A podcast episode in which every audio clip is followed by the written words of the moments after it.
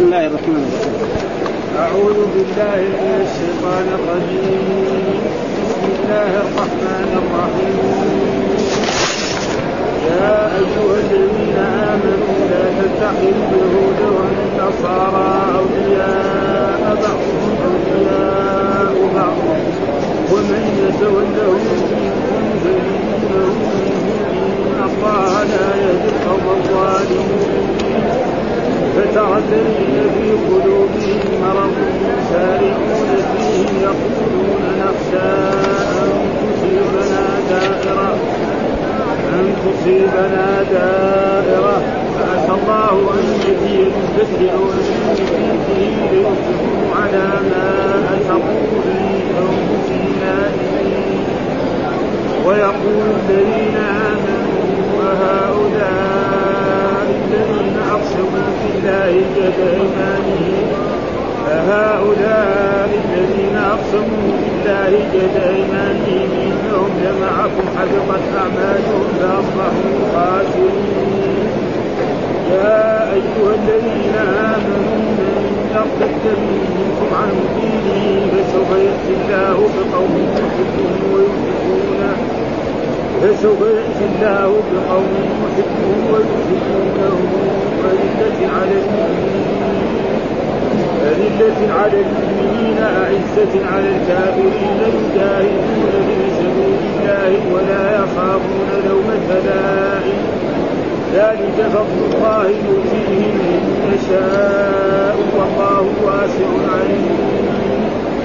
إنما وليكم الله ورسوله والذين امنوا الذين يقيمون الصلاه ويؤتون الزكاه وهم راكعون ومن يتولى الله ورسوله والذين امنوا فان حزب الله هم.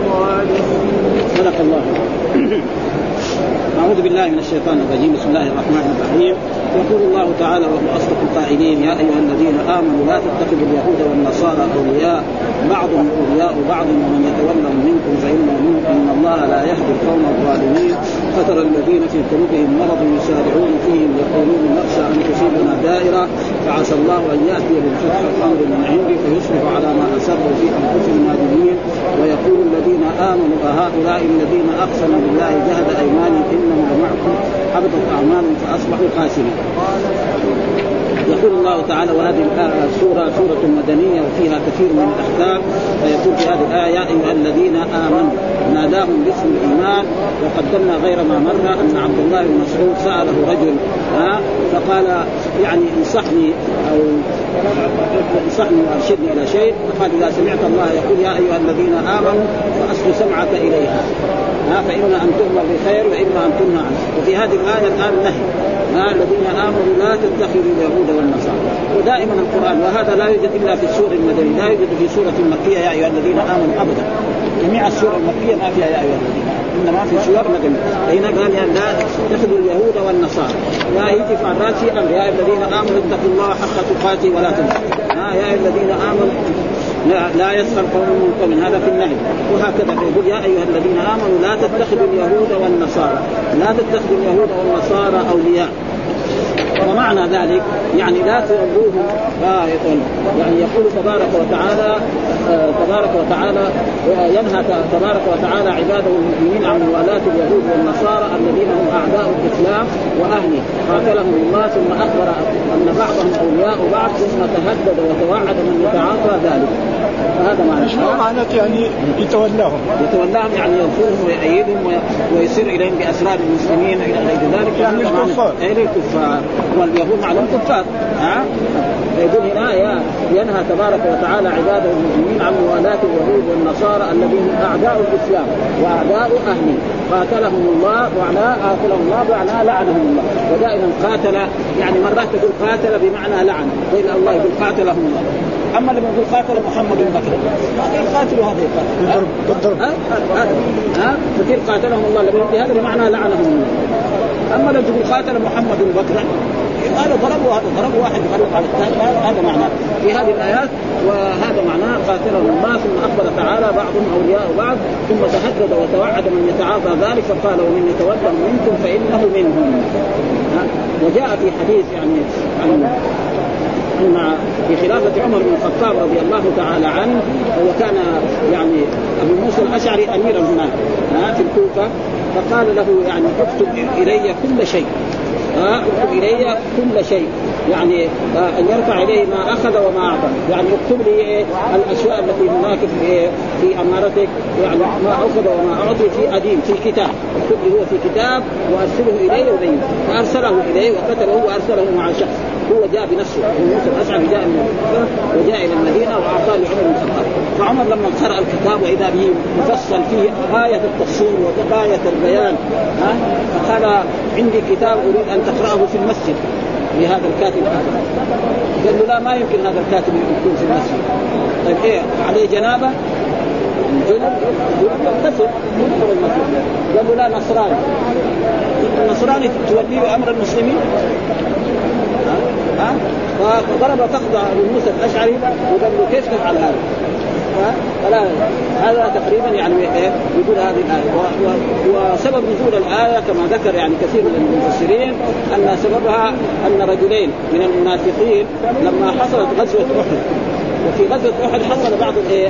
الهزيمة لأصحاب رسول الله صلى الله عليه وسلم فقتل المشركون من أصحاب رسول الله سبعين منهم حمزة رضي الله تعالى عنه وشد وجه الرسول وكثرت رباعيته فقال بعضهم لبعض يعني معناه إنه بعد ممكن تصير هزيمة ثانية وهزيمة ثالثة وهزيمة ثالثة أنا سأتولى أروح إلى اليهود واتولاهم واكون على دينهم الآخر كذلك أنا أذهب إلى النصارى واتولاهم واكون على دينهم فأنزل الله تعالى نعم يا أيها الذين آمنوا لا تتخذوا اليهود والنصارى أولياء. هذا تفسير آخر برضه سبب نزول الآية أن عبد الله بن أبي بن سلول. معروف أنه كان من الخزرج. ومن رؤساء قبائل الخزرج فلما حصل الرسول لما هاجر إلى هذه المدينة كان يسكن هذه المدينة ثلاث قبائل من اليهود بنو قينقاع وبنو النضير وبنو قريظة. فهؤلاء النصارى ما في. النصارى ما في ها؟ بنو قينقاع فبنو قينقاع إيش اتفق معهم الرسول؟ على يكونوا على دينهم ولا يكونوا ضد رسول الله صلى الله عليه وسلم. وما مضت بعد الشيء حتى نقضوا العهد فحاصرهم رسول الله صلى الله عليه وسلم وكانوا يسكنون في غرب المدينة يعني تقريبا جواب الطيار وحبة هذا المكان وكانوا صور. يشتغلوا بهذه الأشياء. فحاصرهم رسول الله ثم نزلوا على حكم رسول الله صلى الله عليه وسلم وأراد الرسول يعني تقريبا يمكن يقتلهم أو يجلوهم من المدينة. فجاء عبد الله بن أبي بن سلول وقال وقت لم يعني الإسلام ما أسلم تماما يمكن. ها؟ وقال هذول يعني أنصاري وأعواني يعني في يوم واحد تهلكهم. ها؟ وطلب من رسول الله صلى الله عليه وسلم أن يتركهم له وشدد مع الرسول صلى الله عليه وسلم مرة مرتين ثلاثة حتى بعد ذلك رسول الله صلى الله عليه وسلم عفى عنهم واجلاه من المدينة. هذا معناه إيه؟ تولى إيه؟ اليهود ها؟ دفع عنهم. إيه؟ يدافع عنهم. عبادة بن الصامت فعل عكس ذلك. فجاء إلى رسول الله صلى الله عليه وسلم وقال إني أتبرأ من اليهود والنصارى نعم وأتولى الله ورسوله. فأنزل الله تعالى هذه الآية. أنزل الله تعالى الذين آمنوا لا تتخذوا اليهود والنصارى أولياء بعضهم أولياء. وذكر بعض المفسرين كذلك أنها في في لبابة. أبي لبابة هذا مسلم. نعم. الرسول لما حاصر الرسول بنو قريظة وصاروا في بنك الرسول أمر أمره أن يذهب إليه. ويشوف إيش صاروا يبكوا وحزن عليهم لأنه كان بينه إيه قبل الإسلام في معاد قال له قال له قالوا له ماذا يفعل بنا رسول الله صلى الله عليه وسلم؟ قال كيف؟ فهو عرف إنه هذا خيانه دغري جاء وربط راسه في ساريه دحين مكتوب ساريه ساريه أبو لبابة. موجود في الروضة هنا. ها؟ ساريه أبو لبابة. ربط نفسه وقال ما يحب إلا رسول الله صلى الله عليه وسلم. عرف هذه جريمة هذه. سر الرسول ها؟ فعرف نفسه وربط نفسه. وقال كل يوم واذا جاء وقت الصلاة يطلقون نعم. نعم ويذهب يتوضأ ويصلي. ثم بعد ذلك وهكذا استمر مده من الزمن حتى بعد ذلك أنزل الله تعالى آخرون اعترفوا بذنوبهم خلطوا عملا صالحا وآخر سيئا عسى الله أن يتوب. وذكر غير ذلك فهذا يعني الذين امنوا لا تتخذوا اليهود والنصارى أولياء. بعضهم يعني أنصار ونصارى ومن يتولهم منكم فإنه منهم فالذين تولى منهم من عبد الله بن أبي بن سلول وغيره من المنافقين فهو يكون منهم. فلازم الإنسان لا يكون إيه؟ وجاء في آية أخرى لا تجد قوما يؤمنون بالله واليوم الآخر يوادون من حاد الله ورسوله ولو كانوا آباءهم أو أبناءهم أو إخوانهم أو عشيرتهم. أولئك كتبوا في قلوبهم الإيمان وأيدهم بروح منه ويدخلهم جنات تجري من تحتها النار خالدين فيها. رضي الله وهذه الآية نزلت في سعد بن أبي وقاص، سعد بن أبي وقاص هذا نعم من أصحاب رسول الله صلى الله عليه وسلم من العشر المبشرين لما أسلم قالت له أمه أنها لا تأكل ولا تشرب حتى يرتد عن الإسلام ويرجع إلى دينه. وإلا تقعد تموت ويقول إيه هو سبب قتل أمه. فقال لها شوفي يا أمي لو كانت عندك مثلا 100 روح وكل روح تموت والثانية والثالثة حتى المئة لا يمكن يرجع قعدت يومين ثلاثة ما أكلت ترجع أكلت هذا معنى هؤلاء يعني هذا الإيمان الصحيح. فلأجل ذلك هذا يقول الله تعالى يا أيها الذين آمنوا لا تتخذوا اليهود والنصارى أولياء بعضهم أولياء. ومن يتولهم منكم ها؟ من يتولهم منكم مثل ما فعل عبد الله بن أبي بن سلول ها؟ فإنه منهم ها؟ سيحشر. ثم بعد ذلك إن الله لا يهدي القوم الظالمين. وهنا لا يهدي معناه لا يوفق إلى دين الإسلام وإلى الإسلام والى اتباع الرسول صلى الله عليه وسلم. وقد قلنا غير ما مر الهداية على معنيين. تارة هدايه للرب سبحانه وتعالى لا يتصرف فيها إلا الرب سبحانه وتعالى. مثل ما قال في آية أخرى إنك لا تهدي من أحببت ولكن الله يهدي من يشاء. يعني خلق التوفيق في القلوب هذا لمن لله؟ ما في أحد يتصرف. وأما الهداية التي هي الرشاد والدلالة فهذه ولذلك في سورة أخرى في سورة حميم عن قال قال وإنك لتهدي إلى صراط مستقيم. إنك خطاب للرسول صلى الله عليه وسلم. وهنا إنك برضه فهذا معناه تقريبا الهداية التي هي الدلالة والإرشاد هي إيه؟ يعني للرسول ولأصحاب الرسول وللدعاة العلماء وهذا فإنهم يذلوا الناس ويرشدون. فهنا قال إن الله لا يهدي القوم الظالمين. إن الله لا لا يوفق ولا يدخلهم في الإسلام القوم الظالمين الكافرين. ثم بعد ذلك يقول الله تعالى فترى الذين في قلوبهم مرض. يعني مرض إيه؟ مرض. المرض قد يكون مرضا حسيا. بس وجعان بطن وجعان لكن قد يكون مرض معنوي. وهو مرض النفاق والرب والشك ها؟ فإن مرض على نوعين. ها؟ فهنا المراد أي مرض؟ مرض إيه؟ النفاق.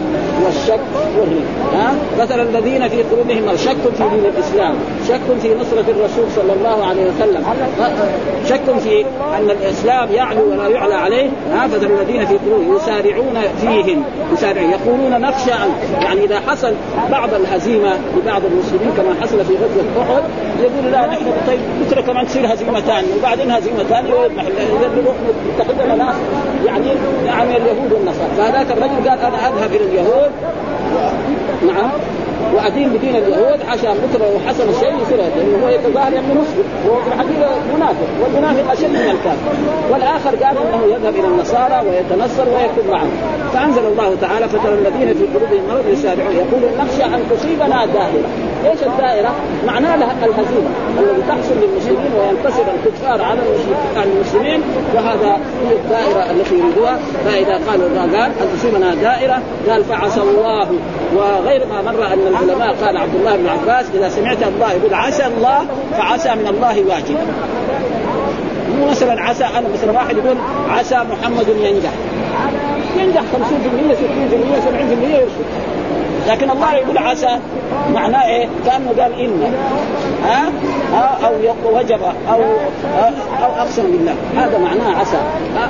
ولذلك عسى في اللغة العربية؟ يكون فعل ترجي. ها؟ فعل ترجي لما الله قال عسى أن يبعثك ربك مقاما محمودا. إيش المقام؟ المحمود؟ هو مقام الشفاعه هذا واجب. ها؟ أما هنا فعسى الله أن يأتي بالفتح. إيش الفتح؟ الفتح مكة. وما مضت.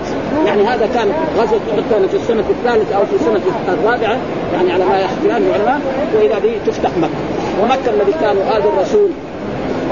وأخرجوه من بلده إلى المدينة وآذوا الرسول وآذوا أصحابه حتى أن أصحابه هاجروا هجرتين إلى الحبشة ثم هجر إلى المدينة فعسى الله أن يأتي بالفتح أو أمر من عنده، إيش أمر من عنده؟ بأن إيه؟ يهزم اليهود والنصارى وتؤخذ منهم الجزية. هذا الأمر اللي عنده إيه؟ الجزية. وقد حصل ذلك. أن اليهود بعد سنوات تؤخذ منهم الجزية ها سواء كانوا في العراق أو في الشام أو في اليمن أو في غير ذلك ها فهذا فيصبحوا على ما أصروا في أنفسهم. يعني إيه؟ الشيء الذي في أنفسهم النفاق. ما حد يدري عنه. ولذلك الرسول يعني ما كان يقتل المنافقين لأنه لو كان يقتل المنافقين يقول محمد يقتل أصحابه. لأنه عبد الله بن أبي يقول أشهد أن لا إله إلا الله. وأن محمدا رسول الله ويحضر المسجد يصلي. ها؟ فلأجل ذلك قال فإذا حصل مثل ذلك إيش يقول هو؟ على ما أصروا في أنفسهم، الشيء الذي اصروه من انه أن يعني يحصل للكفار انتصار على المسلمين ويكون الغلبه لهم ها؟ فعلى ما أصروا في أنفسهم نادرين يقول يا ريتنا ما فعلنا ذلك. والإسلام كل يوم ينتصر. ومن بعد غزوة الغزوات الثانية فيها انتصار. وهذا فيه إيه؟ حكمة لله سبحانه وتعالى مثل انه يحصل الشهداء. ما يصير دائما ان المسلمين هم الذين ينتصرون على الكفار ويقتلونهم لا في بعض المرات يكون بالعكس هكذا عشان إيه؟ يحصل مثل ما قال الله تعالى ولا تحسبن الذين كفروا في سبيل الله أمواتا بل أحياء عند ربهم يرزقون فرحين بما آتاهم الله من فضل قال وليعلم كذلك في الايه الاخرى وليعلم المؤمنين من المنافقين. أما إذا كان دائما المؤمنون هم ينتصرون ما يظهر المنافق ولا يظهر ذلك كان من هذا. قال ويقول الشهداء ما يرزقوش. كيف يرزق ابدا رزق ما ما بعده. قال ولا تحسب الذي قتل في سبيل امواتا بل أحياء عند ربهم يرزقون فرحين بما آتاهم الله من فضله ويستبشرون بالذين لما حصل للشهداء نعم الموت وذهبوا إلى الجنة ورأوا نعيم الجنة قالوا يا ربنا ردنا إلى الدنيا نقاتل كمان ندخل ثاني مره فقال الرب سبحانه انه لا يمكن الموت كل واحد يموت كم مرة؟ فقال إذا اخبر اخوانا فأنزل الله تعالى ولا تحسبن الذين قتلوا في سبيل الله امواتا من احياء عند ربهم فرحين بما آتاهم الله من فضله ويستبشرون والرسول أخبر أن أرواحهم في حواصل الطير والخضر تسرح في الجنة وتأوي إلى قناديل معلقة تحت العرش من نهار ما ماتوا إلى يوم القيامة. ويوم القيامة تعاد أرواحهم إلى أجسادهم وهذا الدم الذي كان يخرج منهم يعني لونه لون الدم و... ورائحته رائحه المسك. هذا تقريبا. طبيعي ما يرزق؟ ها؟ إلا إذا كان مؤمن يرزق لكن بس يختلف. يختلفون اي ويقول الذين آمنوا ويقول الذين آمنوا بالرسول وآمنوا بالقرآن وآمنوا بما جاء به الرسول هؤلاء الذين أقسموا بالله جهد أيمانهم. هؤلاء المنافقون الذين أقسموا جهد أيمانهم إنهم لا معكم لأن هم يقول إيه؟ زي ما قال الله إذا جاءك المنافقون قالوا نشهد إنك لرسول والله يعلم إنك لرسول والله يشهد إنك يعني إيه؟ يقول لا إله إلا الله بلسانه. فالشهادة الله كذبهم في الشهادة. لأن الشهادة معناها اللسان يقول والقلب يقول. هم لا اللسان. يقولون بألسنتهم ما ليس. ولذلك الله كذبهم. إذا جاءك المنافق قالوا نشهد إنك لرسول. لا إنك إيه؟ نقول لا إله إلا الله باللسان. والله يعلم إنك والله يشهد إن فالله لذلك قال والله يشهد إن المنافقين لكاذبون. ها هؤلاء الذين إنهم لمعكم حبطت أعمالهم. فإذا حبط العمل فمثل ما قال الله تعالى. إن المنافقين إيه؟ في الدرك الأسفل من النار. وهذا عبد الله بن أبي بن سلول مع من فعل مع يعني في الإسلام وقال يعني قال كلمات كلها كفر. يقول سمع كلبك يا كفر يعني معنى ذلك إيه سمع كلبك؟ يعني المهاجرون دول كانوا في مكة. وكانوا ضعاف وجاء إلى هنا نعم وأكرمناهم واحسناهم حتى صار عندهم أموال وصار كذا. ها؟ وقال ليخرجن الأعز منها الأذل. يعني إيه يعني إيه يطردهم المهاجرين دول. ها فلما قال هذه الكلمة ولده جاء إلى الرسول قال له لا لازم تقول إيه أنت الأذل ورسول الله والمؤمن. وإلا يا رسول الله أعطي أنا اقتل لا تروح تأمر واحد يقتل بعد ذلك يجي الشيطان يقول لي ترى قتل أبوك روح اقتل المؤمن. كذا الابن يعني. ها والابن مؤمن صالح ومع ذلك ما نفع حتى أنه لما مات و... و... ودفن يعني يدفن جاء الرسول صلى الله عليه وسلم وأخرج يعني شعارا يعني قميصه. ولبس عليه والسبب ذلك إيه؟ إكراما له لأنه هو لما أسر العباس بن عبد المطلب في في بدر يعني كان العباس طويل جدا. دوروا له لأنه معلومه الانسان لما يكون في الحرب يمكن تشق الثياب واحد يشقها من الأعداء. دور دور ما حصل. إلا هو يعني عبد الله بن كان له ثوب طويل واعطوه فالرسول اراد ان يدخله وهذا الثوب ما ينفع ها؟ أبدا. مع انه الرسول صلى الله عليه وسلم لما ماتت بنته نعم أخذ شعاره وجعله فشعار الرسول هذا يحرم إيه؟ إنسان ما دام اهله ما, ما لأنه إذا شعار الرسول ما يحرق فإذا الا كان الملفوظ به كذلك ما يحرق فيصير بركة. فيه ولذلك ما لا يرد عنه هذا الشيء. ما يرد عنه شيء. لأنه هو منافق. ها حفظ الطعام. بس هذا يعني إيه؟ إكرام له للشيء الذي فعله في الدنيا. قال حفظ الطعام. فأصبحوا خاسرين. فأصبحوا خاسرين. ثم بعد ذلك هؤلاء آه ثم قال يا أيها الذين آمنوا من يرتد منكم عن دين يا أيها الذين آمنوا من يرتد منكم عن دين. ومعنى يرتد يعني يقول تعالى مخبرا عن قدرته العظيمة أن من تولى عن نصرة دينه وإقامة شريعته فإن الله سيبتدل به من هو خير لها منه وأشد منعة وأقوم سبيلا. يعني أنتم إذا إذا ارتدتم عن الإسلام كالمنافقين الذين كانوا في عهد رسول الله صلى الله عليه وسلم وكانوا لما قال الله تعالى المنافقون والمنافقات بعضهم من بعض يأمرون بالمنكر وينهون عن المعروف ويقبضون أيديهم نسوا الله فنسوا إن المنافقين هم الفاسقون. ها وبعد ذلك وعد الله المؤمنين. وقال هناك يوم يقول المنافقون والمنافقات للذين آمنوا وكثير آيات يعني كل السور المدنية خصوصا في منتهى سورة البقرة وسورة آل عمران وسورة النساء والمائدة هذه السور يتكلم دائما عن هؤلاء. ها السور المدنية كثيرا عن المنافقين وتبين وتفضحهم وكذلك مثلا سورة براءة إلى غير ذلك فليقول من يرتد منكم عن إيه؟ عن دينه يعني لا ينصر الدين. يقول مخبرا عن قدرته العظيمة أنه من تولى عن نصره دينه وإقامة شريعته فإنه سيبدل من هو خير له منه وأشد منعة وأقوى كما قال وإن تتولوا يستبدل قوما غيره وإن تتولوا عن نصره الدين يستبدل قوما غيركم ثم لا يكونوا. وقال إن يشاء يذهبكم أيها الناس وياتي بآخرين. يعني يمكن يميت هؤلاء هؤلاء المنافقين كلهم ويستبدل ناس مؤمنين صالحين. مثل ما فعل بالأمم السابقة. فإن قوم نوح وقوم هود نعم أهلكهم وجوه الطيبين كذلك قوم إلى غير ذلك ولذلك قال في هذا إن يشاء يذهبكم ويأتي بخلق جديد وما ذلك على الله بعزيز. إن يشاء يذهبكم يعني يهلك هؤلاء الكفار والمشركين ويأتي بقوم آخرين أي بممتنع ليس بممتنع ولا صعب قال تعالى في هذه الآية برضو يا, أيها الذين آمنوا من يرتد منكم عن دينه أن يرجع نعم عن الحق إلى الباطل. يترك الحق ويرجع إلى الباطل. قال محمد بن كعب نزلت في الولاة بن قريش. وقال الحسن البصري نزلت في أهل الردة. يعني أهل الردة الذين اصح الأقوال أنها يعني قال الحسن هو والله أبو بكر وأصحابه. من هذا؟ يعني إيه؟ قال من يرتد منكم عن دينه فسوف يأتي الله بقوم يحبهم ويحبونه. فسوف يأتي الله بقوم يحبهم ويحبونه. يجي في الدرجة الأولى من أصحاب مثلا أبو بكر الصديق وعمر بن الخطاب وأصحاب رسول الله صلى الله عليه وسلم. وبعد ذلك يجي ناس أمم ثانية الأمم الذي جاءوا بعد أبو بكر والصحابة وبعد التابعين. في ناس من هذا دائما إذا نزلت في شخص ما فهي إيه؟ بعموم اللفظ. لا بس مثلا مثلا نزلت في ابو بكر خلاص تصير في ابي لا ها؟ المعنى واحد. الآية تنزل مثلا في موضوع من المواضيع. الذي يعمل هذا العمل سواء كان مسلما يدخل فيها. الآية التي تنزل في الكفار الذي يعمل هذا العمل تدخل. ها؟ وتجر غيرها عليه.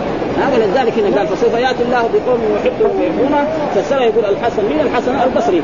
قال هو والله أبو بكر واصحابه ورواه ابن أبي حاتم وأبو بكر بن شيبة فسوف يأتي الله بقوم يحبهم. قال أهل القادسيه معلوم أهل القادسية كانت غزوة عظيمة وانتصر الإسلام في عهد عمر بن الخطاب رضي الله تعالى عنه. وقال آه ليس بن سليم مع مجاهد هم قوم من سبع من أهل اليمن. ومعلوم أهل اليمن هذا في العهد الأول يعني لهم مكانتهم حتى أن الرسول كان يثني عليهم ويمدحهم كثيرا. هذا قال ابن أبي حاتم على آه حدثنا أبو سعيد حدثنا عبد الله بن عز آه عن ابن عباس قال فسوف يأتي الله بقوم يحبونه. قال ناس من أهل اليمن. آه ثم من كنده ثم من سطوح وحدثنا كذلك. عن جابر بن عبد الله قال سئل رسول الله صلى الله عليه وسلم فسوف يأتي الله بقوم يحبهم ويحبونه؟ قال هؤلاء من أهل اليمن ومن كنده وجاء في رواية أنهم من قوم هذا الرجل وهو أبو موسى الأشعري. وأبو موسى الأشعري يمني. لأنه كان اليمن إيه؟ يعني مو زي دحين. دحين في عصرنا مثلا آه يعني الجنوب هذا غامض وما غامض. هذا ما يسمى اليمن. ولكن أول كان بعد الطائف اسمه إيش؟ يمن ولا حضر كل هذا يمن. الان جاء الاستعمار هو قسم هذه الأقسام. ها؟ الاستعمار قسم الدنيا كلها. ها؟ قسم الدنيا كلها وجعلها يعني كان الشام كل الشام. ها سوى شيء لله شيء كذا وهذا فلذلك يعني فسوف يأتي الله بكل يعني يهلك هؤلاء الكفار وهؤلاء المشركين وسوف يأتي الله وهذا قد حصل. فان أصحاب رسول الله صلى الله عليه وسلم مصدقين وجاء أبو بكر الصديق وعمر بن الخطاب وعثمان وعلي وجاء كذلك بعض الخلفاء كلهم كانوا يسوون الدين فقال فسوف يأتي الله بقوم يحبون ويحبونه إيش هذا سوى؟ قال أذلة عليهم يعني متواضع كذا على المؤمنين نعم يعني ينصرهم ويأيدهم ولا يفعل منهم أي شيء. مثل ما قال عن أصحاب رسول الله صلى الله عليه وسلم محمد رسول الله والذين معه أشداء على الكفار رحماء بينهم تراهم ركعا سجدا يبتغون فضلا من الله ورضوانا سيماهم في وجوههم من أثر السجود ذلك مثل في التوراة ومثل في الإنجيل كزرع اخذ شطه فازره فاستغلظ فاستوى على سوقه يعجب الزراع ليهيط به الكفار. ثم قال وعد الله لك فهؤلاء يعني هؤلاء القوم لهم صفات ومن صفاتهم أن الأدلة على المؤمنين. يعني إيه؟ يكون دليل على المؤمنين كما قال في صفة رسولها قال متواضعا لأخيه ووليه متعززا على خصمه وعدوه. على الأعداء اسود وعلى المؤمنين يعني هكذا أصحاب خصم وعدو كما قال تعالى محمد رسول الله وقال إيش كمان قال يجاهدون في سبيل الله. ها إيش معنى الجهاد في سبيل الله؟ الجهاد في سبيل الله من جاهد لتكون كلمة الله هي العليا. لا إله إلا الله محمد رسول الله هي العليا. وقد سئل رسول الله صلى الله عليه وسلم الرجل يجاهد نعم يقاتل شجاعة ويقاتل حمية. أيهما في سبيل الله؟ رسول الله ما قال لا اللي يقاتل حمية ولا اللي يقاتل. قال من قاتل لتكون كلمة الله هي العليا. والذي قاتل لهذه الكلمة لا إله إلا الله محمد المجاهد وأما الذي قاتل ولأجل ذلك يعني القاتل القومية صار زمن من الزمان القومية العربية القومية العربية دندن سنين. ما في شيء. أبدا. بعدين ولا الآن القوميات موجودة ولذلك ما في أما لو قالوا الإسلام يصير كل لما مثلا مثلا يقولوا مثلا القومية العربية. ما يدخل باكستان ولا الصين ولا تأثير ها ولا يدخل العالم في افريقيا لكن لما يقول الإسلام ها يساوي ضمن وطنطن يعني يساوي كتب ونفاذ والإذاعات والدنيا. ما في فائده لا كلها خابت رجعوا خسرانين. فالإسلام هو كل شيء. ولذلك يعني ومن يبتغي الإسلام دينا فلن يقبل. حتى رأينا أن بعض الحكام يساعد نعم يساعد يعني المجوس على المسلمين. يعني حصل من الأشياء التاريخية اللي قرأناها في هذا الزمن ونحن أحياء أن بعض الدول الإسلامية يعني تساعد الهند على باكستان وتعطيه تمده بالسلاح وبالرجال وبكل وبعد ذلك كلها فشلت ليه؟ لأنها بغير دين الله ولذلك يقول الله تعالى في هذا آه آه قال يجاهدون ولا يخافون بالله لومة ماء لا يردهم آه آه عما هم في طاعة الله وإقامة الحدود وقتال أعدائه والأمر بالمعروف والنهي عن المنكر لا يذكرهم عن ذلك راد ولا يصدهم عن وساد ولا عدل عادل قال الإمام أحمد حدثنا عن عبد الله بن الصامت عن أبي ذر قال أمرني خليل صلى الله عليه وسلم بسبع أمرني بحب المساكين والدنو منهم وأمرني أن أنظر إلى من هو دوني ولا أنظر إلى من هو فوقي وأمرني أن أصل الرحم وان اثقلت وأمرني أن لا أسأل أحدا شيئا وأمرني أن أقول الحق وان كان مرا وأمرني أن لا أخاف في الله لوم لائم وأمرني أن أكون ان أكثر من قولي لا حول ولا قوة إلا بالله. يصدقون الخبر ان خير حتى يدل عليكم يا أهل مكه هل تصدقونني؟ هم يعرفون الله هو في هذه الآيات لا يخافون من ذلك فضل الله ذلك الذي يفعل به فضل الله يؤتيه من يشاء. بعض بعض الناس كانوا مؤمنين وكانوا من أصحاب رسول الله وكانوا مؤمنين وكانوا يؤيدون الدين وناس ما أعطاهم ذلك. يا يؤتيه من يشاء. والله واسع عليم. واسع الفضل وعليم لمن يستحق الهداية ومن يستحق فهدى أبو بكر وعمر وعثمان وعلي وطلحة والزبير وهدى بلال وصهيب وكفار قريش الكبار المجرمين دول. آه، مثلا أبي بن كعب وأبو جهل وأبو لهب. كفار فالله كانوا كفار كمان نعم فلذلك ما يغني عليهم ما ينفعهم ابدا انما وليكم الله ثم يقول الله للمؤمنين وهذا بالحصر ان دائما إيه تفيد انما وليكم الله يعني من ناصركم ويؤيدكم ومن يجب عليكم ان تتولوه الله ورسوله والذين امنوا يعني تولوا ايها المؤمنون مين؟ الله يجعل ولايتهم الله ورسوله والذين امنوا مين هم الذين امنوا؟ قال يقيمون الذين يقيمون الصلاه إيش معنى إقامة الصلاة؟ إقامة الصلاة أن يؤديها المسلم بشروطها وأركانها كاملة في المساجد مع الجماعة حيث يؤذن هذا معنى المقيم أما الذي يصلي في بيته أو في سوقه دائما قد يسمى مصلي لكن ما يسمى مقيم ها؟ فالإقامة ولذلك الله دائما ما مدح المصلين. ما في آية تقول بس المصلين. دائما المقيمين للصلاه أول سوره ألف ذلك الكتاب لا ريب فيه هدى للمتقين الذين يقيمون الصلاة. ها الذين إن مكناهم في الأرض أقاموا الصلاة. والمؤمنون والمؤمنات بعضهم أولياء بعض يأمرون بالمعروف وينهون عن ويقيمون الصلاة. وما أمروا إلا ليعبدوا الله مخلصين له حنفاء ويقيموا الصلاة. وهكذا. فإذا الإقامة قد أفلح المؤمنون الذين هم في صلاة إلى غير ذلك فإقامة الصلاة هو هذا. أما المصلي جاء في آية ويل للمصلين. مين هم ذات؟ فصفوا الذين هم عن صلاتهم ساهون، إيه صلاة يعني ما يصلوا مرة، واحد يقول عنده شغل. ما يصلي الظهر ولا العصر ولا المغرب، بعدين يجي في العشاء يضربها في دقيقتين يلا. ثمان ركعات ولا عشر ركعات هذه صلاة خربانة. تلف ما يلف الثوب الخليق ويضرب بها وجهه وتقول ضيعت الله ما لذلك إقامة الصلاة هو هذا. فالناس يعني دحين لما نحن نفتش على كذب في ناس ما يعرف المسجد. مسلم. أو يوم الجمعة يروح. يعني على كل حال في بقايا من يعني رجل ما يصلي لكن يوم الجمعة يروح يصلي. موجود هذا ما يصلي طول الأسبوع. أو ما يصلي مرة. بعدين يجي رمضان يصلي كمان ويصوم تمام. ماشي تمام. ونحن هذا نشاهد يعني في البلاد التي هم احسن المدينة أيام رمضان الناس اللي ما كانوا يعرفوا المسجد يجيبون بعدين يغلق رمضان. يعني يجي بعض المرات هذاك إيش تسمى المنافق؟ ما نقدر يعني كان مرة دائما باستمرار هذا وهذا يعني شيء يعني مشاهد يعني في إيه؟ في البلاد اللي مثل هذه البلاد. البلاد الثانية يمكن أشد وأشد.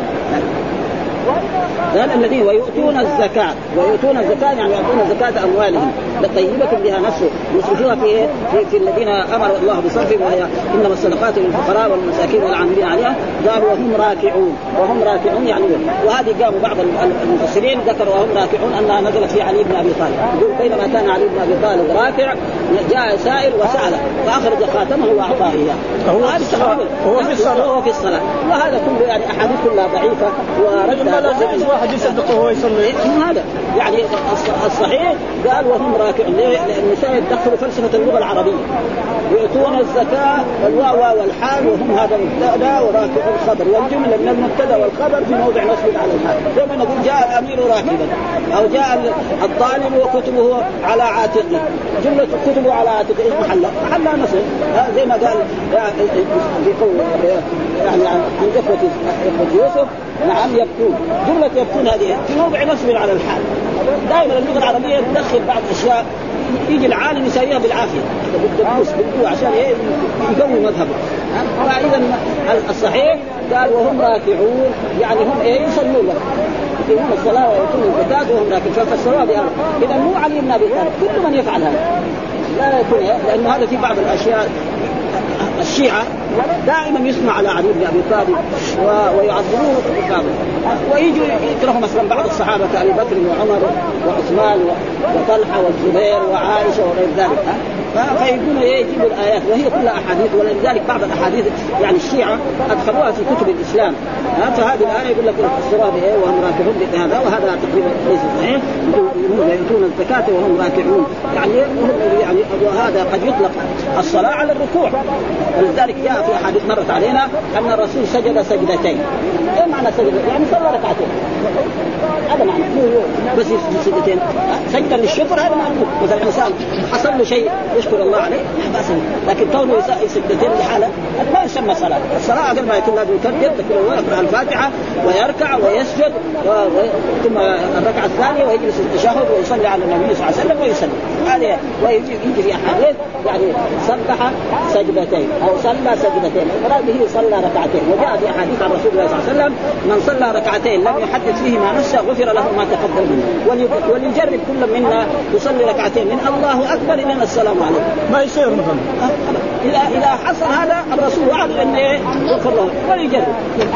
الشيطان ما يخلي يقول جاء واحد للإمام حنيفه قال إنه سرق له بعض الأشياء قال له روح صلي ضاع له شيء. ضاع له شيء. يصلي.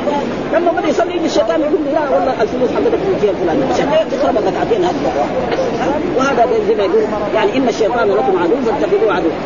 ولذلك الرسول يقول جعلت قرة عيني في الصلاة. جعلت قرة عيني في الصلاة. ها؟ الرسول كان إذا دخل الصلاة يعني جعلت وكان يقول لي بلال أرحنا يا بلال بالصلاة. وهذا كنت أنا أظن يعني الصحابة كذلك. لكن مر علينا في فتح الباري أن عمر بن الخطاب رضي الله تعالى عنه كان يدخل الصلاة وهو إمام ويقعد يفكر في الجيش حقه. الجيش حقه اللي في العراق إيش يساوي وخططه كيف؟ ويقعد فيها ويفكر فيها ويفكر معناه إنه الفكر بيروح إيه؟ بره هناك عن الصلاة. يعني ما هو في الصلاة تماما ها وكنت أنا أستبعد هذا. لكن لما رأيت الحافظ ابن حجر ذكر هذا. خلاص الحافظ ابن حجر ما يحتاج ها؟ ها؟ ومر علينا كذلك في صحيح البخاري أن الرسول صلى الله عليه وسلم مره من المرات صلى صلاة ولما سلم دغري حال دخل إلى بيته. فالصحابة تعجبوا. كيف يعني؟ الرسول ما كان إذا صلى يذكر الله قليل ثم بعد ذلك.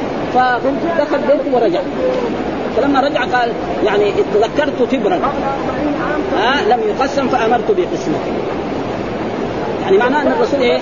جاء هذا المال وهو في الصلاة. يعني راح فكر إيه؟ إليه وراح أمر بقسمته ففهم من ذلك أن الإنسان يعني أي إنسان ما يقدر يعني إذا كان يشكله شيء لابد إيه يفكر فيه فهذا يعني تقريبا رسول الله صلى الله عليه وسلم. ولذلك نص البخاري ساق هذا الحديث هذه الأحاديث وذكر يعني أن التفكير في خارج الصلاة شيء بسيط ما ما, ما يدل ذلك. ذكر هذا ذكر هذا الحديث ذكر هذا الحديث وذكر حديث آخر بعده أن أبا هريرة صلى مع رسول الله صلى الله عليه وسلم صلاة العشاء في هذا المسجد ثم قال لرجل من الصحابة ماذا قرأ رسول الله صلى الله عليه وسلم في العشاء الآخر البارحه؟ قال له الصحابي أنا ما أدري. قال له أما أنا أدري. معناه إيه؟ هذا الصحابي يعني فكره راح ولكن هذا بيحصل. الآن نحن لو صلى الإمام العشاء وبعدين واحد سأل ولا في الفجر قال له في ناس يدروا في ناس ما يدروا نسيه يعني؟ وهذه أشياء يعني شيء مشاهد يعني. ها ولكن كل ما يعني اهتم بالصلاه يمكن مرة يتذكر ومرة ينسى. يعني ليس معنى ذلك أي واحد نسي ما قاله الامام صلاته تعبانه لا. هذا تقول ما؟ قالوا ومن يتولى الله ورسوله ها من يتولى يجعل الله ولايته ولا فإن حزب الله هم الغالبون مثل ما قال في القرآن لا تجد قوما يؤمنون بالله واليوم الآخر ويؤدون من حاد الله ورسوله ولو كانوا آباءهم وابناءهم وإخوانهم وعشيرتهم. وكما قال في الآية الأخرى في سورة الممتحنة يا الذين آمنوا لا تتخذوا عدو وعدوكم أولياء تلقون إليهم بالمودة. وقد كفروا بما جاءكم من حق يخرجون الرسول وإياكم أن تؤمنوا بالله ربكم كنتم وهذه السبب نزلت في يعني الله بن أبي بلتع. الله بن أبي بلتع لما أراد الرسول غزو مكة وأراد الرسول أن يعمي على قريش حتى ما يكون عندهم خبر حتى ما يشوفوا الرسول عندهم في مكة فراح وكتب كتاب. ها يا أهل مكة إن محمد يريد أن يغزوكم فخذوا حذرة. معناه سر الرسول ولكن الوحي أتى للرسول أن فلان كتب فأرسل الرسول علي بن أبي طالب والزبير وأن قال تجد هذه المرأة في روضة خان في طريق المدينة واخذها فقالوا لها أين الكتاب؟ قالت ما عندها كتاب. قال اما تخرج الكتاب والا نحن مستعدون أن نفتش كل عضو منه. حتى لو كان أدى إلى الفرد نفتش فشافت الجد. ها. ويقن علي بن أبي طالب أن الكتاب معه مين اللي أخبر؟ الرسول صلى الله عليه وسلم. لا ينطق الهوى فتت سرقت الكتاب واتت واتى به إلى رسول الله ففتح الكتاب وقرا مثلا من عبد الله بن ابي يلفع إلى فلان وفلان فقال عمر دعني اضرب عنق هذا منافق قال لا لعل الله اطلع على أهل بدر فقال اعمل ما شئت فقد غفرت لك وبين انه هو يعني هو رجل عادي يعني لكن يريد ان يتقي ويعلم ان رسول الله سينتصر وبالفعل ان رسول الله صلى الله عليه وسلم ذهب إلى مكه في عام 8 من هجرته ودخل مكه منتصرا على قريش وحتى قال قال لقريش لما خطب ما ظنكم أني فاعل بكم؟ قالوا أخ كريم وابن أخ كريم. مع أنه الرسول لما فتح مكة لو قتل جميع الرجال البالغين في مكة كان أخذ استحقاق. لأن مكة فتحت عنوة. هذا أصح الأقوال وإن كان بعض العلماء يقول أنها فتحت صلحا القول الصحيح أنها فتحت عنوة. بعد ذلك الرسول قال قال يعني أخ كريم وابن أخ كريم. ثم قال الرسول من دخل داره فاغلق بابه فهو آمن ومن دخل البيت الحرام فهو آمن ومن دخل بيت دار أبي سفيان فهو آمن وعفى عنه وصفح عنه الرسول صلى الله عليه وسلم وهذا من كرم وجوده وإحسانه والا لو قتل جميع الرجال البالغين وأخذ نساءهم وذراريهم وأموالهم قال أخذ استحقاق كما يفعل في في الامم السابقه ولذلك قال ومن يتولى الله ورسوله والذين آمنوا فإن حزب الله حزب الله هم الله هم الغالبون فإن حزب الله هم الغالبون وزي ما يقول اصل فإن حزب الله الغالبون وهذا يسمى في اللغة العربية ضمير فصل وضمير الفصل دائما يكون بين المبتدأ والخبر أو بين اسم إن وخبرها أو بين يعني اسم كان وخبرها. ولك أن تقول هم الغالبون هم مبتدا والغالبون مثلا الخبر والجمله خبر. ولكن هذا وكثير هذا موجود في القرآن. إنا لنحن الصافون إنا لنحن المسبحون إن هذا لهو القصص الحق. كثير موجود وهذا يسمى في اللغة العربية في النحو يعني اللي هو يعني ضمير فصل ها لأنه يكون بين المبتدأ والخبر. ها لأنه فإن حزب هذا هذا الاصل كان مبتدا والغالبون هو الخبر وهم هذه في الوسط إيش تاكد؟ تاكد إيه؟ يعني الغالبون وتقريبا هو فنقرا يعني شيء من من الأشياء التي ذكرناها. يقول الله تعالى في هذه الآية يا أيها الذين آمنوا لا تتخذوا اليهود والنصارى أولياء بعضهم أولياء بعض ومن يتولى منكم فإن ان الله لا يهدي القوم الظالمين. فترى الذين في قلوبهم مرض يسارعون فيهم يقول نخشى أن تصيبنا دائرة فعسى الله أن يأتي بالفتح أمر من عنده فيصبح على ما سبب في انفسهم نادمين ينهى تبارك وتعالى عباده المؤمنين عن موالاة اليهود والنصارى الذين هم أعداء الإسلام وأهله. قاتلهم الله ثم أخبر أن بعضهم أولياء بعض ثم تهدد وتوعد من يتعاطى ذلك. فقال ومن يتولى منكم فإنه منهم. الايه قال ابن أبي حاتم أبي حاتم حدثنا كثير بن شهاب حدثنا محمد يعني بن سعيد ابن سابق حدثنا عمرو بن قيس عن سماك بن حرب عن عياض أن عمر أمر أبا موسى الأشعري أن يرفع إليه ما أخذ وما أعطى في أدين واحد يعني في وكان له كاتب نصراني فرفع إليه. ذلك فأعجب عمر وقال إن هذا لحفيظ هل أنت قارئ لنا كتابا في المسجد؟ جاء من الشام فقال إنه لا يستطيع فقال عمر فقال عمر أجنب هو؟ قال لا بل نصراني قال فانتهرني وضرب تقديم كيف تتخذ اليهود؟ اللي على اعمالنا الآن نحن يعني عندنا خبراء نصارى ويهود في جميع بلاد الإسلام. لم نرسل اوراقنا يتعلم هناك. أشياء كثيرة يعني لما نقيس على على الإسلام الإسلام في واد ونحن في واد أبدا. ثم كفروا ثم قال أخرجوه. قرأ ثم قرأ يا أيها الذين آمنوا لا تتخذوا اليهود والنصارى أولياء. وقال عبد الله بن مسعود يتقي أحدكم أن يكون يهوديا أو نصرانيا وهو لا يشعر يعني يكون إيه؟ يواليهم فظننا انه يريد هذه الآية الذين امنوا لا تتخذوا اليهود والنصارى. ثم قال قال الله ومن يتولى منكم فانهم روى ابن أبي الزناد نحو ذلك وقال فترى الذين في قلوبهم مرض اي شك وريب ونفاق يسارعون فيهم أي يبادرون إلى موالاتهم ومودتهم في الباطن والظاهر يقولون نخشى أن تصيبنا دائرة يتولون في يتأولون في مودتهم وموالاتهم انهم يخشون أن يقع أمر من دفر الكافرين بالمسلمين فتكون لهم آيات عند اليهود والنصارى فينفعهم ذلك. عند ذلك قال تعالى فعسى الله أن يأتي بالفتح. قال السدي يعني فتح مكة. وقال غير يعني القضاء والفصل أو أمر من عنده قال السدي يعني ضرب الجزيه على اليهود والنصارى. فيصبح يعني الذين والوا اليهود والنصارى من المنافقين على ما أسروا في أنفسهم من الموالاة نادمين أي على ما كان منهم من من لم لم يجد عنه لم يجد عنهم شيئا ولا دفع عنهم محذورا وكان عين المغفرة فإنهم فضحوا فضحوا وأظهروا وأظهر الله أمرهم في الدنيا لعباد المؤمنين بعد أن كانوا مستترين لا يدرى كيف حالهم. فلما انعقدت الأسباب الفاضحة لهم تبين أمرهم لعباد الله ولهذا قال ويقول الذين آمنوا هؤلاء الذين أقسموا بالله جاد أيمان إنهم لمعكم حربت أعمالهم فأصبحوا خاسرين. وقد اختلف القراء في هذا الحرف فقرأ الجمهور بإثبات الواو كما هو قراءة حسن ويقولون. في قراءة يقول بس ما في واو باي ها؟ ما في ما في ما في واو هذا قراءة نافع. ها؟ يقول كذا. فإذا كانوا ويقولون إيه لها معنى غير. ويقول له معنى. يبين هذا إيش معناه فإذا قال يقول فيكون إيه فعسى الله أن يأتي بالفتح أو أمر من عنده فيصبح على ما أسروا في أنفسهم ويقول. فيصير إيه؟ منصوب بأن. ها؟ فعسى الله أن يأتي بالفتح. هذا. وإذا قلنا يقول في جملة جديدة. وذكر هذا يعني الشيخ ابن كثير قال ثم منهم من رفع ويقول على الابتداء ومنهم من نصب عطفا على قوله فعسى الله أن يأتي من فرش أمر من عنده فتقدير أن يكفر ويقول وقرأ أهل المدينة يقول ها وهي قراءة نافع لأنه هو المدني.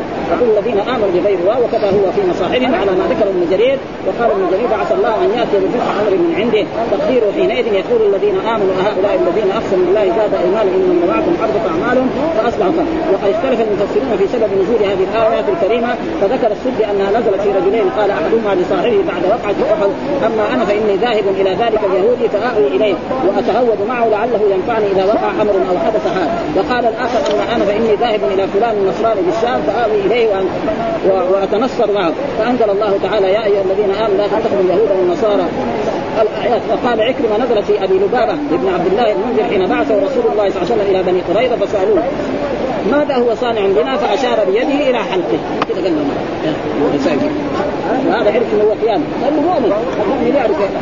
هذه يصير إلى فسألوه فماذا وصنع بنا فأشار بيده إلى حلقه أنه الذبح رواه وقال نزل في عبد الله بن أبي بن سلول كما قال جرير حدثنا أبو كريب حدثنا فلان حتى إلى آه، آه، عن عبادة بن الصامت بن الحارث بن الخزرج إلى رسول الله صلى الله عليه وسلم فقال يا رسول الله إن لموالي من يهود كثيرون كثير عددهم وإني أبرأ إلى الله ورسوله من ولاية يهودين وأتولى الله ورسوله. هذا عبادة بن الصامت والثاني يتولى إيه؟ اليهود. وقال عبد الله بن أبي إني رجل أخاف الدوائر ولا أبرأ من ولاية موالية فقال رسول الله صلى الله عليه وسلم لعبد الله بن أبي يا أبا الحباب وهذه كنيته هؤلاء من العرب إيه؟ لأنه كان رجل عظيم كان يبغى يصير هو الأمير. وجاء الرسول بعدين الاماره حقته راحت ذلك عاد الإسلام وصار منافقا حتى مات على على نفاقه وعلى كفره. ها يا أبا الحباب ما دخلت به من ولاية يهود على عباده النصارى فهو لك دونه. قال قد قبلت فأنزل الله تعالى عز وجل يا أيها الذين آمنوا لا تتخذوا اليهود والنصارى الآيتين.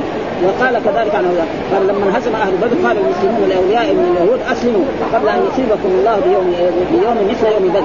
فقال مالك بن الصيد أغركم أن أصبتم مهتا من قريش لا علم لهم بالقتال. أما لو اسرنا العزيمة أن سنستمع عليكم لم يكن لكم بد أن تقاتلون فقال عبادة بن الصامت يا رسول الله إن اوليائي من اليهود كانت شديدة أنفسهم كثيرا سلاحهم شديدة شوكتهم وإني أبرأ إلى الله ورسوله من ولاية يهود. لا مولى لي إلا الله ورسوله. فقال عبد الله بن أبي لكن لا أبرأ من ولايه يهود. إني رجل لا بد لي منهم. فقال رسول الله صلى الله عليه وسلم يا أبا الله بن أبي نزلت الآيات في المائده يا أيها الذين آمنوا لا تتخذوا اليهود والنصارى أولياء أولياء بعض. ومن يتولى منكم فإنه منهم. ومن يتولى الله ورسوله والذين آمنوا فإن حزب الله هم الغالبون قال الإمام أحمد حدثنا عن إسحاق عن عروة عن أسامة بن زيد قال دخلت مع رسول الله على عبد الله بن أبي نعوده فقال له النبي كنت أنهاك عن حب يهود فقال عبد الله فقد فرغبه سعد بن زراره فمات وكذا رواه أبو داود من رواه من حديث محمد بن إسحاق. الحمد لله رب العالمين وصلى الله وسلم على نبينا محمد وعلى آله وصحبه وسلم. ولا يقول أبلغ قاضي ولا إمام ولا ولا حاكم هو كل شيء عنده ابوه كذلك هؤلاء المشركون لا عقول لهم. سفهاء الأحلام. إنا إنا وجدنا آباءنا لها عابدين في آية وكذلك يفعلون في آية أخرى. ولذا جاء في آية أخرى إنكم وما تعبدون من دون الله حصب جهنم. أنتم وهم في النار. وهذا الدليل الذي ذكر كذلك ذكرته قريش. ذكرته الجاهلية الجهلاء. إنا وجدنا آباءنا على أمة وإنا على آثارهم مقتدون. وفي آية مهتدون. ما دام آباؤنا على هذا الحال نحن نفعل هذا الحال. من باب ما أنا إلا من غزية. إن غوت غزية غويت وإن ترشد غزية أرشدي. غزية قبيلة من القبائل. أنا من غزية. غزية إذا غوت أنا غاوي. غزية إذا رشدت وسلكت الطريق أنا على الحال. يعني الموت مع القوم على أي حال؟ فنحن على هذا الحال. ما دام آباؤنا يعبدون هذه الأصنام وهذه الأصنام نحن نعلم أنها لا تخلق أنها لا ترزق أنها لا تعطي وهم يعرفون هذا تماما. لكن القوم أبوا قالوا يا إبراهيم أجيتنا بالحق؟ أم أنت من اللاعبين؟ قال بل ربكم رب السماوات والأرض الذي فطرهن وأنا على ذلك من الشاهدين. انظروا الرب الذي فطر السماوات السبع. أبدعها خلقها من غير مثال سابق. لم يسبق الله تعالى في هذا الملك أحد في هذا الخلق أحد. سبع سماوات طباق رفعها من غير عمد السماء فوق مسيرتها خمسمائة عام بغير عمد ترونها. السماوات فيها خلق يعبدون الله تعالى فيها. من ملائكته الذين خلقهم لطاعته السماء الثانية كذلك الثالثة السابعة.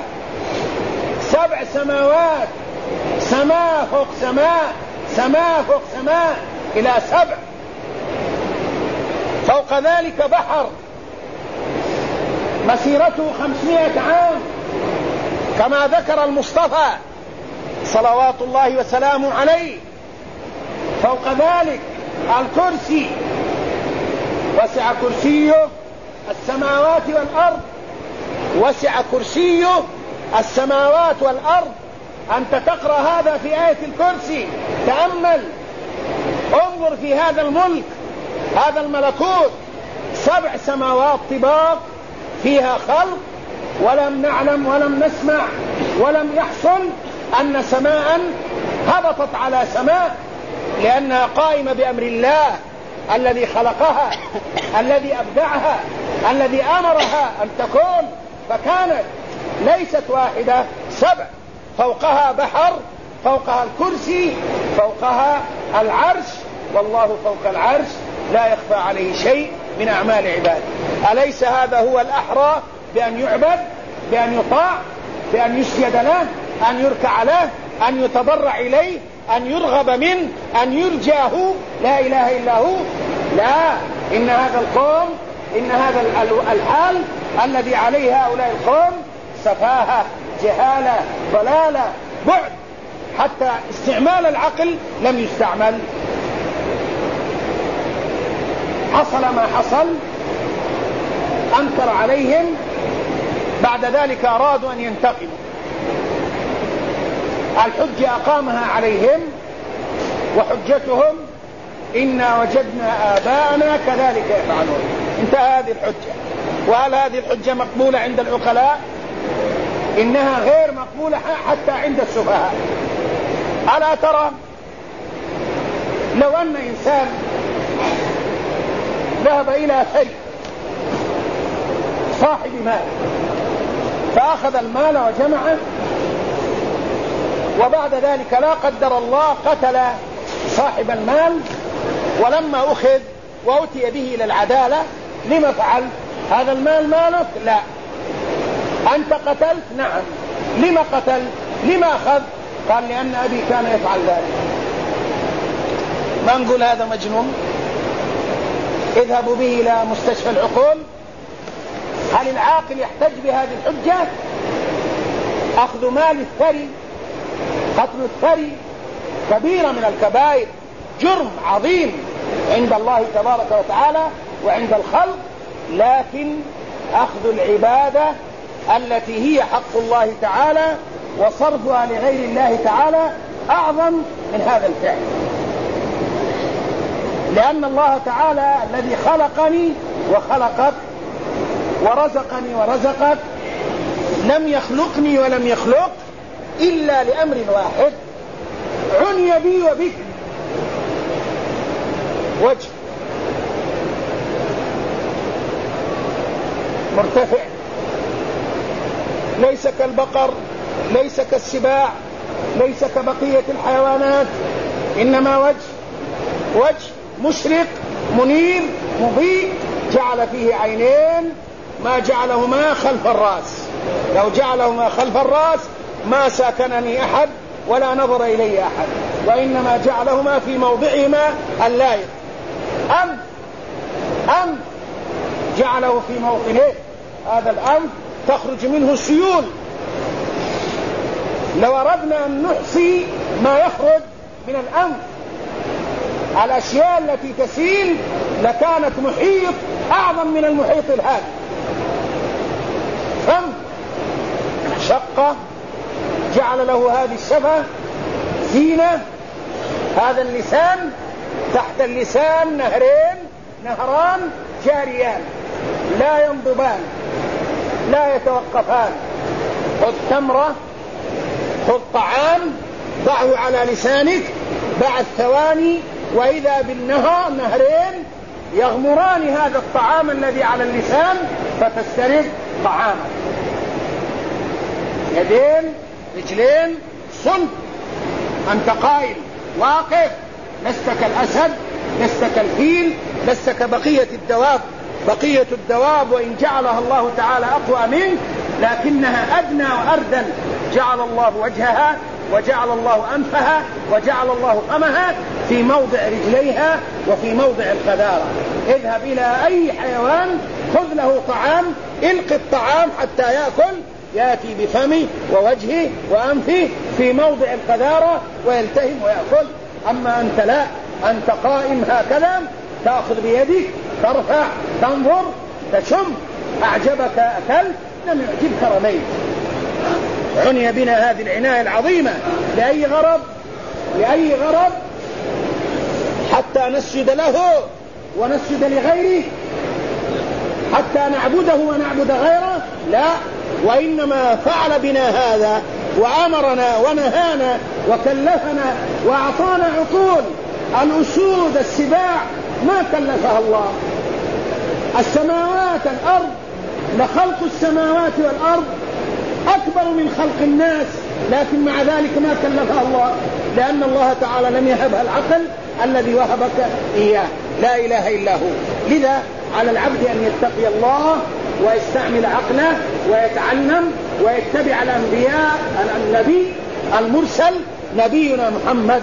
فالله هو الذي يعبد وغيره لا يعبد. هكذا دعا رسول الله. وإلى هذا دعا إبراهيم. وإلى هذا دعا جميع الرسل من نوح إلى نبينا محمد صلى الله عليه وسلم. لما كانت الحجة واهية وإبراهيم عليه الصلاة والسلام أيس من القوم تولوا عنه مدبرين. قال تعالى فراغ إلى آلهته راغ بمعنى زاغ ومال. وأتى إلى هذه التماثيل التي يعبدونها من دون الله. في يوم عيد. وكانوا في يوم العيد يخرجون. ويأتون بطعام ويضعونه عند التماثيل والأصنام حتى تنال البركة.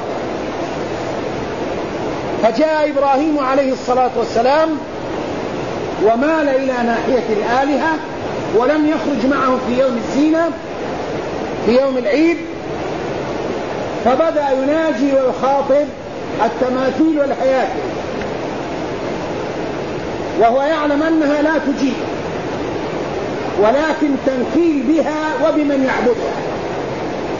وتقرير على أنها غير عاقلة وأنها من باب أولى وأحرام أن تكون هي الإله الذي يعبد. ناجى الآلهة قائلا لها ألا تأكلون؟ من باب التهكم أنت إله تعبد ومع ذلك لا تقوى على أن تلتهم طعام وزاد. ما لكم لا تنطقون. الإله القوي القادر الحي ينطق يدفع يمنع. أنت لا تنطق أيها الصنم أيها الوثن. لا تتكلم لا تنطق لا تأكل. ما لكم لا تنطقون. ويذكرني هذا قصة معاذ بن جبل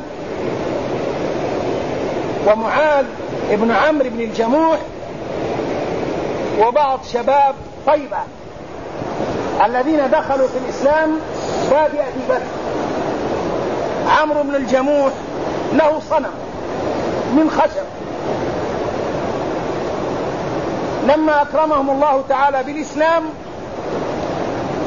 أرادوا أن ينقذوا عمرو بن الجموح أن يدلوه إلى الطريق القويم دعوه أبا إلا أن يعبد صنم. عمرو بن الجموح من بني حرام. يسكنون ناحية بني سلمة وناحية بني حرام. بنو حرام منازلهم معلومة موجودة إلى اليوم. مسجد بني حرام موجود عند سوق السمك. الجديد بالسيح مسجد بني حرام منازل بني حرام موجودة. بنو سلمة معروفة مواضعهم. ناحية القبلتين. جاء الشباب. والشباب هم العدة. وهم رجال المستقبل. وهم رجال الدعوة إلى الله. وبالشباب المسلم المؤمن الواعي المتقي يحصل ما لا يحصل من الشيخ الكبير. الإسلام قام على عواتق الشباب ولكن أي شباب؟ الشباب الراكع الساجد الخانع الخاضع الذي يخشى الله ويتقي. الذي ينظر فإذا ما نظر علم أن الله تعالى حرم عليه فأعرض. الذي وصفه الله تعالى بما وصف به المتقين في أوائل السورة قد أفلح المؤمنون. هكذا يجب أن يكون الشباب. اسمحوا لي يا شباب. الإسلام اليوم في حاجة إليكم. المسلمون اليوم في حاجة إلى شباب متقي شباب زاهد مجاهد متقي صوام قوام متقي لله. لا شباب يسرق يزني يشرب خمر مخدرات يضيق على العالم. لا هذا الشباب عليه أن يصلح حاله. والله يصلحنا واياه